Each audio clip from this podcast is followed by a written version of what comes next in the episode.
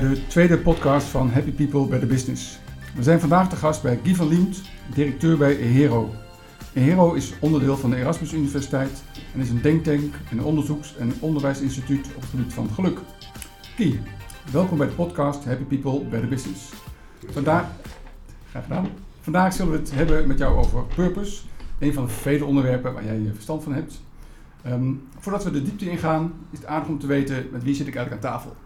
Zou je even kort kunnen introduceren? Ja, uh, ik ben uh, Guy van Liemt. Zoals je zei, uh, inderdaad directeur van EHERO. Dat staat voor eh, Erasmus Happiness Economics Research Organization. Verbonden aan de Erasmus Universiteit. Interessant natuurlijk dat het gehuisvest is binnen de economische faculteit. Ehm, en ik ben van origine ook bedrijfseconoom. en ja, sinds het begin eigenlijk uh, betrokken bij, uh, bij EHERO. Dankjewel. Um, over naar purpose. Laten we het onderwerp even afbakenen. Wat is purpose volgens jou wel en wat is het niet? Ja, hele goede vraag. Uh, ik herinner me wel dat eigenlijk is het interessante, ik ben me persoonlijk gaan verdiepen in purpose nog voordat ik betrokken raakte bij geluk. Dus dat EHERO eigenlijk begonnen is. Um, en ehm, ehm, ik denk dat, dat Purpose een enorme vlucht heeft gekregen. Uh, daar gaan we het straks waarschijnlijk ook nog even over hebben. Sinds uh, het beroemde uh, filmpje van Simon Sinek over The Why. en, um, en, en de Purpose en de Why zijn wat mij betreft synoniemen. Dus die geef ik bij deze dan alvast. maar daarin bestempelt hij het, The Why, als als what's your purpose, what's your cause, what's your belief. En dus um, wat heel belangrijk is, heb ik geleerd in de, in de loop der jaren, is dat een purpose een doel is. Dus als een organisatie een purpose formuleert, dan moet dat verder gaan dan alleen een statement of iets waar je in gelooft, ook al zegt meneer Sarnek dat letterlijk. Um, en het moet echt een doel zijn, dus er moet een doel aangekoppeld worden waarmee het ook richting geeft aan het handelen van een organisatie. Dus dat is een heel belangrijk uh, onderdeel. Een tweede aspect, uh, want je kan er heel veel meer over vertellen, mhm. is uh, waar ook nog wel veel misverstand over is, is dat um, um, ja, de vraag moet het dan een maatschappelijk relevant doel zijn? En daarop zou mijn antwoord zijn bij voorkeur wel. Organisaties staan niet los van de maatschappij. Dus moeten zich wel degelijk rekenschap geven van de vraag: wat is onze rol dan in die maatschappij? En tegelijkertijd zijn er ook voorbeelden van bedrijven die een purpose hebben die, nou, laten we zeggen, wat minder maatschappelijk georiënteerd is. Die wel relevant is voor klanten, maar misschien wat minder nou ja, maatschappelijk hoogdravend zijn. Dus het is niet een absolute voorwaarde en dat is ook hoe ik het uh, opvat. Het gaat om het doel en nou, eigenlijk specifiek gesproken over het hoogste doel van de organisatie.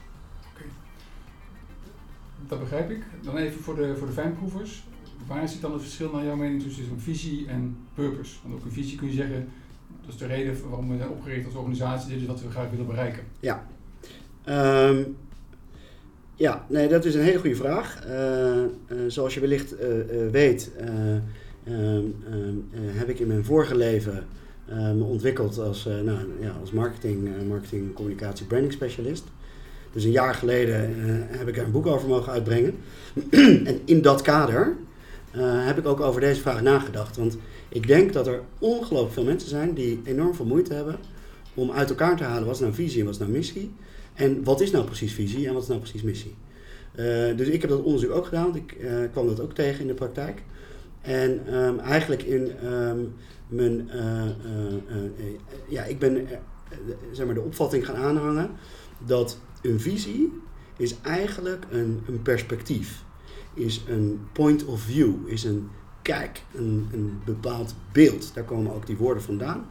Uh, een visie is natuurlijk een soort beeld, uh, gezichtspunt. Um, en eigenlijk zou je dus moeten zeggen dat de visie is vooral um, het beeld wat een groep mensen, lees een organisatie in dit geval, heeft op, en ik heb dat maar de drie M's genoemd. Dat is of op de maatschappij, op de wereld, dus een bepaald maatschappijbeeld, en of op de mensheid, een bepaald mensbeeld. En de derde is, heb ik nou maar samengevat, als een marktbeeld. Oftewel, hoe kijken wij naar onze markt of naar technologieën, uh, uh, hoe markten zich ontwikkelen, concurrentieverhoudingen, dat soort dingen. Dus nadrukkelijk staat in die visie niet wat de opdracht is van de organisatie. Dus in die zin is visie wat mij betreft de kader, de context die vertaald wordt naar een purpose, lees missie, lees why, die voor mij als synoniem gebruikt mogen worden. Alle drie gaat het om de reason for being, de raison d'être, de, de taak, de opdracht die de organisatie, de groep mensen zichzelf stelt. Vanuit het kader wat de visie is. Dus in de uh, purpose staat wel degelijk de opdracht, de taak, het doel, het hoogste doel. Wat wil ik dan bereiken als organisatie? Uh, vanuit die visie, die kijk op de wereld, op mensen, op markten als uh, vertrekpunt. Het kenmerk van een purpose is dat die in feite eeuwigdurend is. Met andere woorden, die kun je dus verder verfijnen naar bijvoorbeeld een gewaagd doel of, en dan weer verder naar organisatiedoelstellingen. Daarin wordt die dan smart. Maar een, uh, een, een, missie is in feite eeuwigdurend. Anders zou je kunnen zeggen mission accomplished en dan kun je de organisatie opheffen. En er zijn ook voorbeelden van organisaties die in de loop der tijden wel één, twee keer hun missie ook echt compleet veranderd hebben. Waarom is dan een missie uh, in, naar jouw mening zo belangrijk? Wat levert dat voor een organisatie op als je dus een goede, sterke, krachtige purpose hebt ontwikkeld? Nou, ik denk dat het de essentie is van waar een organisatie over gaat. Als je eh, mensen vraagt wat is een organisatie, dan is toch wel de meest gangbare definitie een samenwerkingsverband van mensen die samenwerken om iets te bereiken. En dus de hamvraag die hier op tafel ligt is wat is dan dat iets? En eigenlijk is dat de purpose. Dus wat doen we hier? Wat willen we bereiken? En eigenlijk de antwoord op die vraag, dat is de purpose. Dus een, een, een purpose is, eh, het doet twee dingen. Het, het is richtinggevend, maar het is ook zingevend. En daarmee zorgt het dus ook voor uh, cohesie en coherentie van de groep mensen. En er zijn natuurlijk prachtige voorbeelden bekend. Letterlijk niet helemaal een voorbeeld van een purpose, maar wel om dit punt uh, te illustreren. Uh, van John F. Kennedy, die op een gegeven moment zei, meer als een gewaagd doel dan als een purpose We're gonna put a man on the moon before the end of the decade.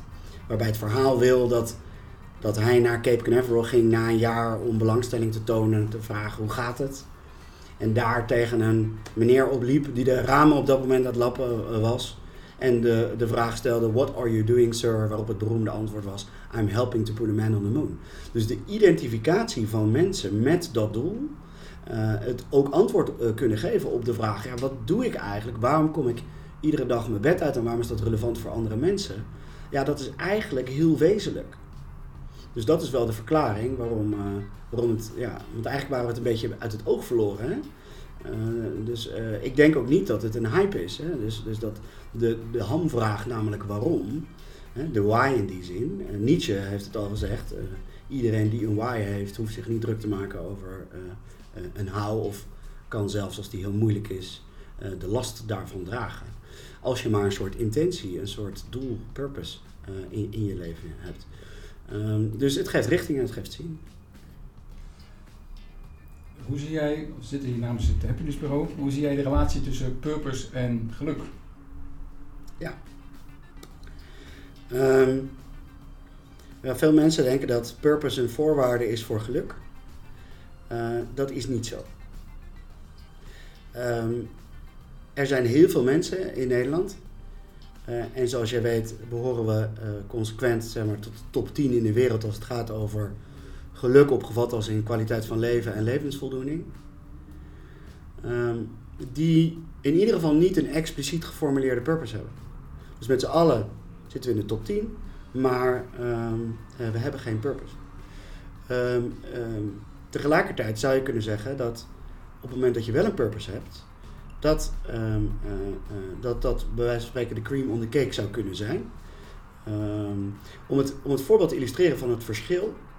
Als je uh, purpose ziet als iets wat meaningful is en geluk, als je dat tegenover elkaar zet, dan zijn er wel voorbeelden van bijvoorbeeld werk um, dat heel meaningful is, maar waar je niet per se gelukkig van wordt. En, ja, een bekend voorbeeld is bijvoorbeeld mantelzorger. Dat is enorm meaningfulness. Dus op purpose scoor je dan heel hoog. Maar we weten uit onderzoek dat je op geluk niet hoog scoort. Ehm, eh, en, en, en dus zie je dat daar wel verschil tussen zit.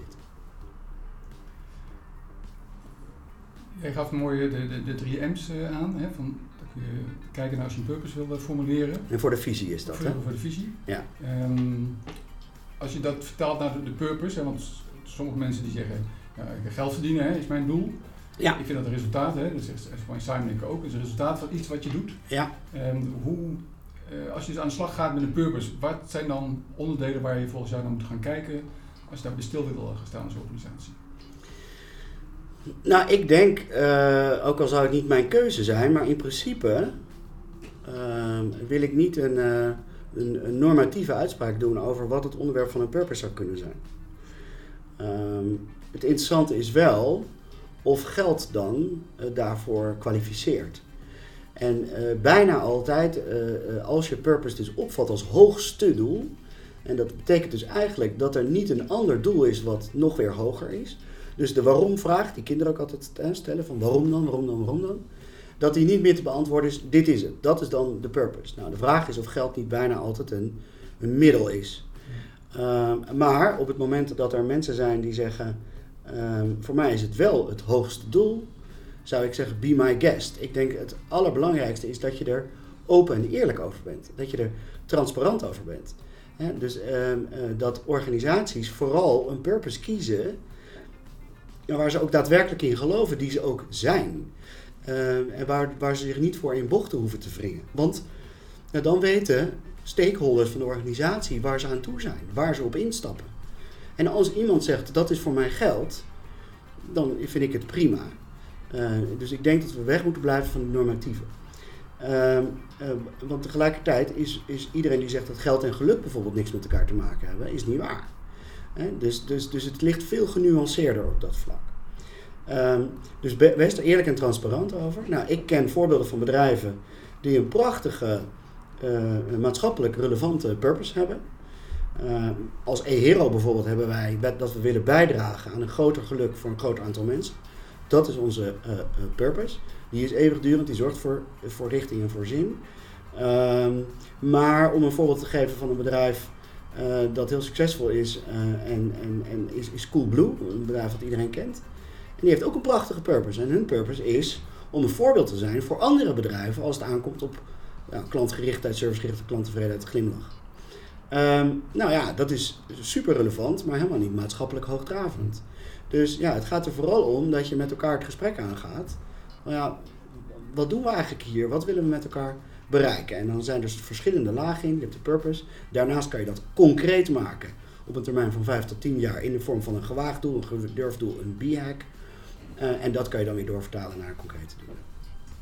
Ik mocht eh, de leergang over de betekeniseconomie volgen.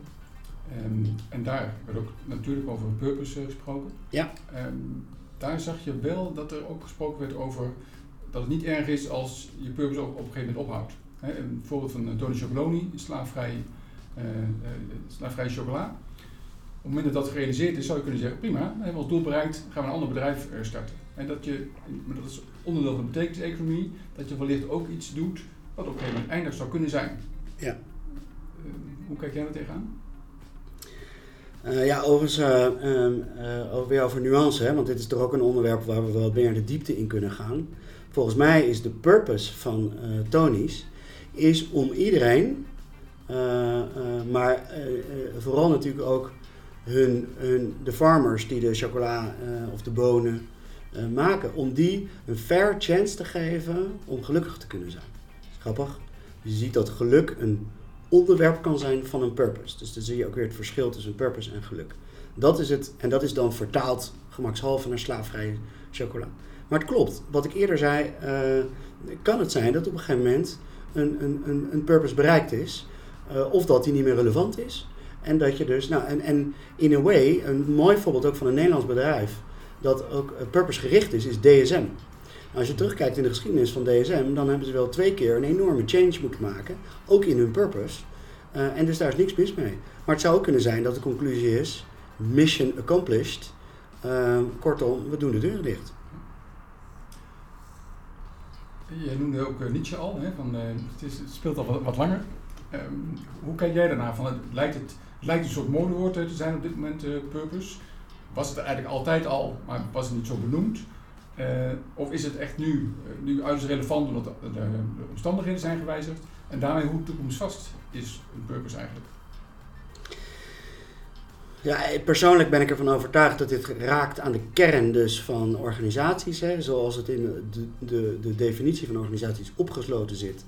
Ja, samenwerkingsverband van mensen om iets te bereiken. Nou, wat is dat iets? Dus dat is natuurlijk gewoon van alle tijden. Dat is ook niet een we gisteren bedacht hebben. Alleen, uh, wat er gebeurd is in de afgelopen 20, 30 jaar, is dat uh, enerzijds, vind ik, visie en missie enorm door elkaar aan, aan te halen zijn. Daar hebben we het over gehad. Maar ook dat die, missies, uh, en om dan maar even de analogie aan, aan, aan zijn hek te halen, veel te veel platgeslagen zijn op wat niveau. Dus daarmee heel erg versmalt zijn. Maar vooral ook iedere vorm van inspiratie weggehaald hebben.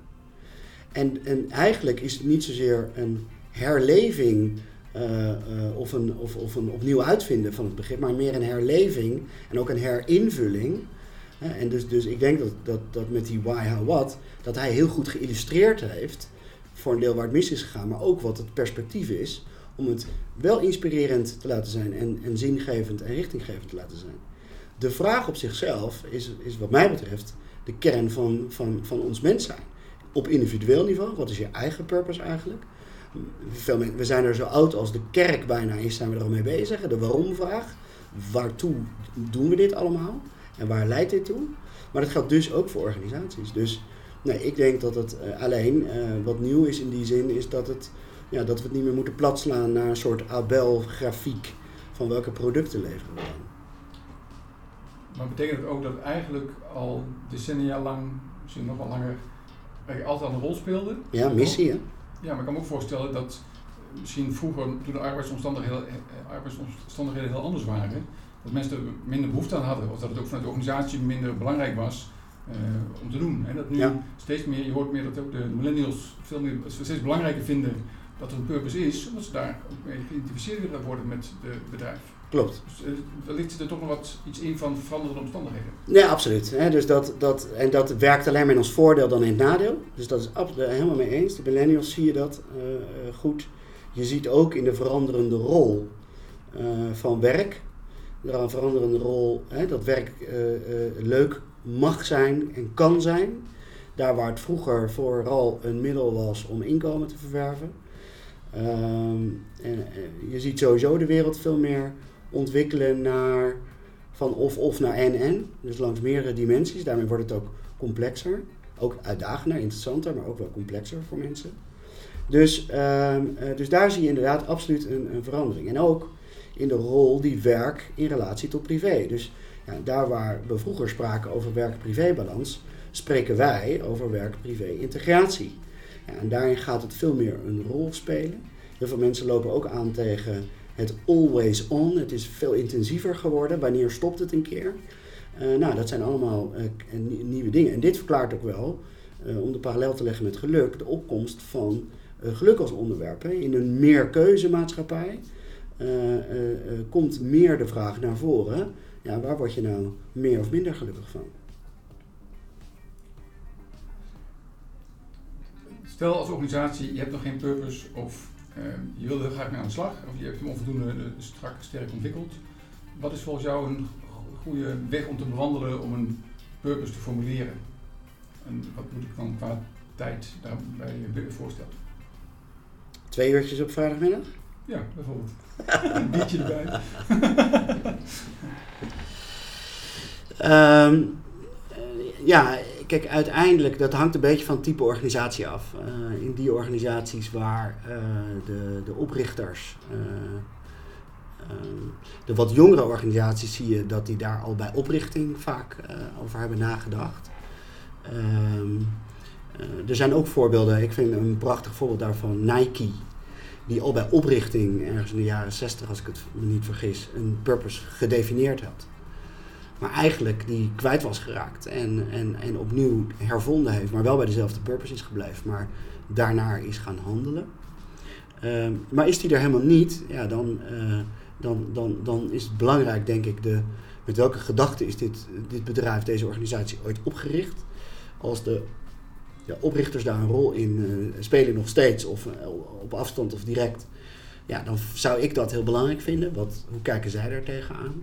Tegelijkertijd is het natuurlijk heel belangrijk ook dat er wel draagvlak is binnen een organisatie. Dus um, ik ben er wel voor uh, dat je daar met elkaar het gesprek over aangaat. Betekent dat dat je dan moet komen tot een soort weer uh, 13 in een dozijn ding? Nee, sterker nog, ik adviseer steeds meer organisaties om vooral op visie en purpose niveau een keuze te maken, maar daar gewoon eerlijk over te zijn. We moeten leren om in minderheden te denken als organisaties. Zeg ik dan even als marketeer. Uh, dus, dus wees maar duidelijk. Wees maar, kies maar. Nou, dus met andere woorden, moet iedereen het ermee eens zijn? Dat hoeft helemaal niet, want dan is het gelijk helder. Dus, dus, dus het is heel belangrijk dat mensen zich ook persoonlijk kunnen identificeren. Dat ze energie krijgen en daarmee vitaal voelen, bevlogenheid voelen om iedere dag hun bed uit te komen en daaraan te werken. Nou ja, en daar zijn allerlei vormen hoe je dat dan precies kan doen. En daar kan je ook uh, stimuli inbrengen. Hè, maar, maar het gaat vooral over het gesprek aangaan. En af en toe helpt het om er iemand bij te hebben die soms het niveau uh, wat hoger kan trekken. Maar uh, ja, nou als het goed is, als je het één keer goed hebt gedaan, hoef je het niet meer. Misschien nog wel belangrijk om één ding erbij te noemen. Want uh, als ik ook lezingen over dit onderwerp geef, dan, dan pak ik ook altijd het onderwerp values en principles erbij. Wat mij betreft zijn die twee wel heel duidelijk met elkaar verbonden. Waar overigens de purpose dus heel duidelijk de inhoudskant is, de richting geeft aan de organisatie. Gaat een purpose, uh, of gaan values en principles vooral over de vraag hoe gaan we met elkaar om? Wat is juist, wat vinden we niet juist? wat, wat, welk gedrag keuren we goed en welk gedrag keuren we ook af? Om daar dan ook vervolgens wel naar te handelen, dus een rechte rug te hebben. Maar eigenlijk kun je die twee dingen niet helemaal los met elkaar zien, maar ze zijn wel verschillend. Ja, de principles en values zijn veel meer de wijze waarop, Juist. de manier waarop je dat dan uh, gaat doen ja. met elkaar. Ja. Maar daarmee nog steeds, naar mijn mening, heel onderscheidend voor jou als organisatie. Ja. En je kiest natuurlijk die values die bij jou als organisatie passen. Precies, ja. ja. Ook, en, de, en, en ik zou dus altijd, als je zo'n purpose uh, traject opgaan gaat, zou ik daar de values en principles in meenemen. Hè, want uh, je gaat met elkaar het gesprek aan.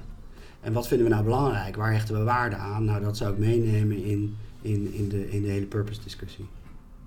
Ik vind een mooi voorbeeld van jou van Nike, die eigenlijk oprichting al een soort purpose had geformuleerd, ja. maar het gaandeweg uh, kwijt was geraakt. Ja, klopt.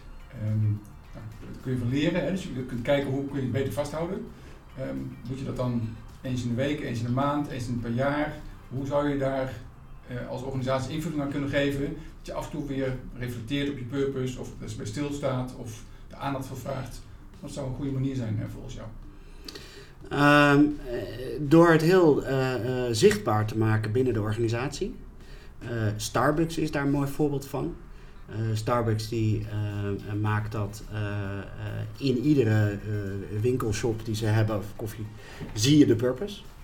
Dus dat, dat herinnert. Coolblue doet dat ook op een fantastische manier.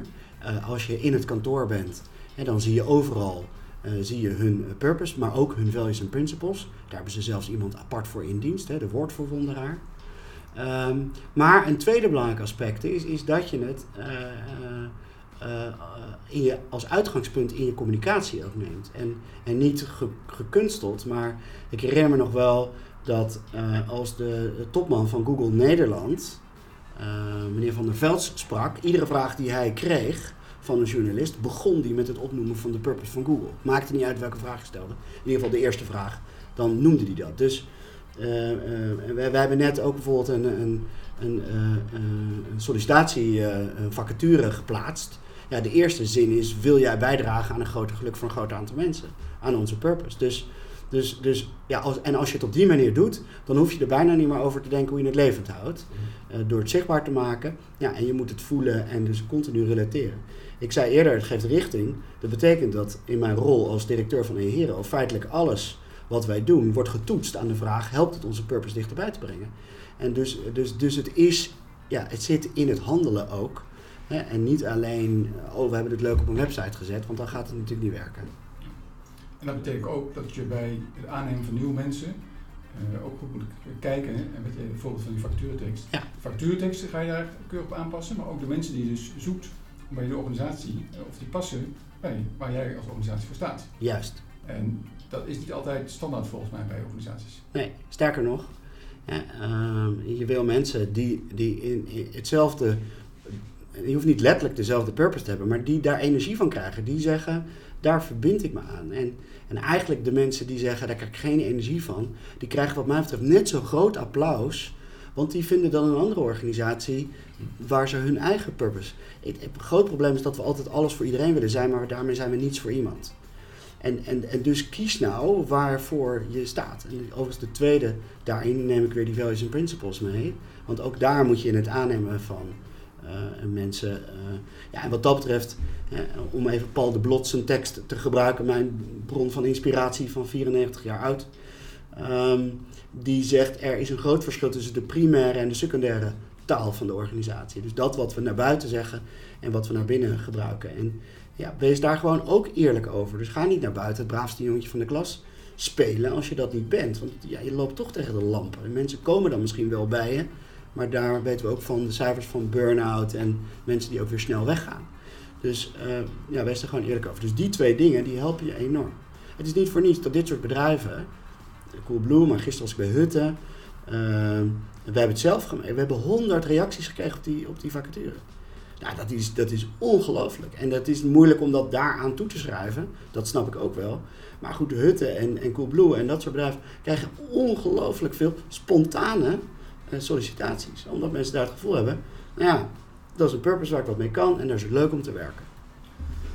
Welk advies heb jij voor eh, mensen die vaak in wat grotere organisaties werken ehm, en die dan merken van, goh, we hebben wel iets geformuleerd, maar uiteindelijk, als een beslissing moet worden genomen, is het altijd bedrijfsbelang of andere zaken die een belangrijke rol spelen. Dan eigenlijk de purpose waar we voor staan met z'n allen. Ja. Um, hoe moet je daar, als je, hè, bij kleine organisaties is dat makkelijker vaak om dat te bediscussiëren. Bij grote organisaties, eh, van duizend en meer, is dat steeds lastiger. Hoe zou je toch kunnen, daar aandacht voor kunnen vragen? Ja, om heel eerlijk te dat weet ik niet. Als je kijkt naar DSM, naar Unilever, um, uh, Hutte, uh, Coolblue, Triodos. Ehm, ja, dat, dat zijn ook grote organisaties. En, dus, dus, dus, dus dat hoeft niet, dat is één. Um, twee is wat ik wel zie, is, uh, is van die gekunstelde. Hè, dus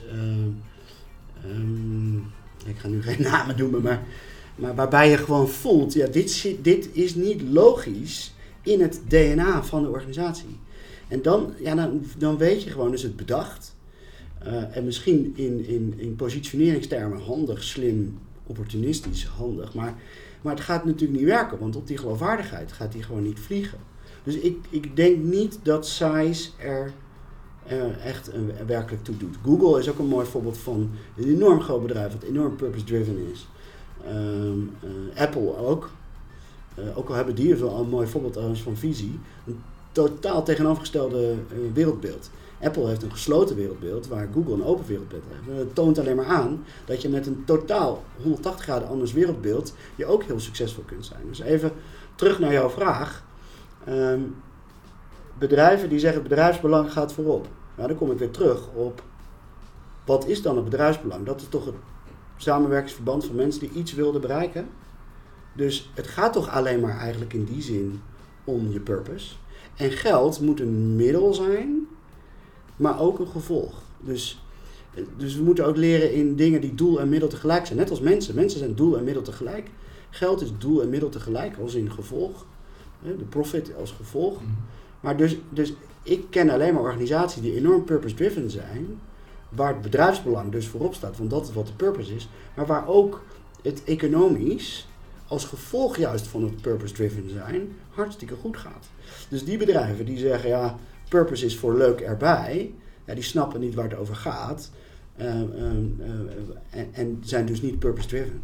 Okay. Heb je wat dat betreft zicht op onderzoek wat purpose oplevert voor de bedrijfsresultaten?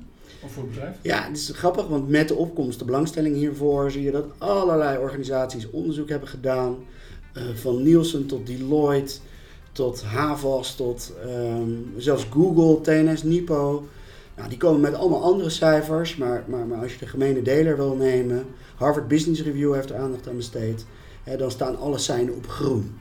En ik vind het altijd lastig, want ze zeggen, nou dat levert je 22% meer, dat is onzin. Weet je? Dat, dat, dat iedereen die je dat belooft, die moet je wantrouwen, want het is niet waar. Ehm, ehm, maar dat het zeker niet op gespannen voet staat met, ehm, met, met, met je, je, je, je, je, je profit doelstelling.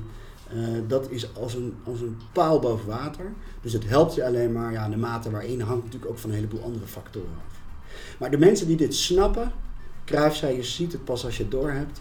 De mensen die dit snappen, ja, die kunnen ook bijna niet anders. Als je eenmaal, ik weet nog goed dat ik voor het eerst me erin ging verdiepen en als een, als een hamer werd ik getroffen en dacht ik, wat hebben we nou al die jaren eigenlijk over het hoofd gezien? En dat was dit. Ik vind trouwens misschien een mooi voorbeeld nog wel, uh, die ook, ja, ook in gesprekken met leiders, is natuurlijk een hele belangrijke vraag. Op een gegeven moment, je zit dan bovenaan de top van een organisatie. Je carrière is geslaagd, want daarom zit je daar. En dan komt de hamvraag, en wat is nu je nalatenschap? Dus wat doe je met die invloed, met die macht? Mooie uitspraak van Lincoln. Uh, uh, you can test a man's character if you give him power. Pas dan zie je, komt naar boven, wat doet iemand met de macht die hij heeft. Maar de legacy vraag, kortom, wat wil ik achterlaten? wat wil ik dat mensen over mij herinneren?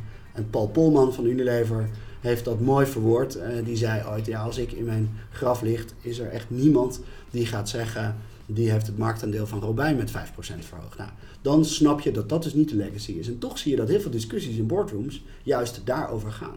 Dus de hamvraag is ook, ja, als managementteam of als directie, ja, wat moet onze legacy dan zijn? Nou, dan kom je toch bij purpose uit. Volgens mij een fantastische conclusie uh, van dit gesprek, Ricky. Enorm bedankt. Graag gedaan.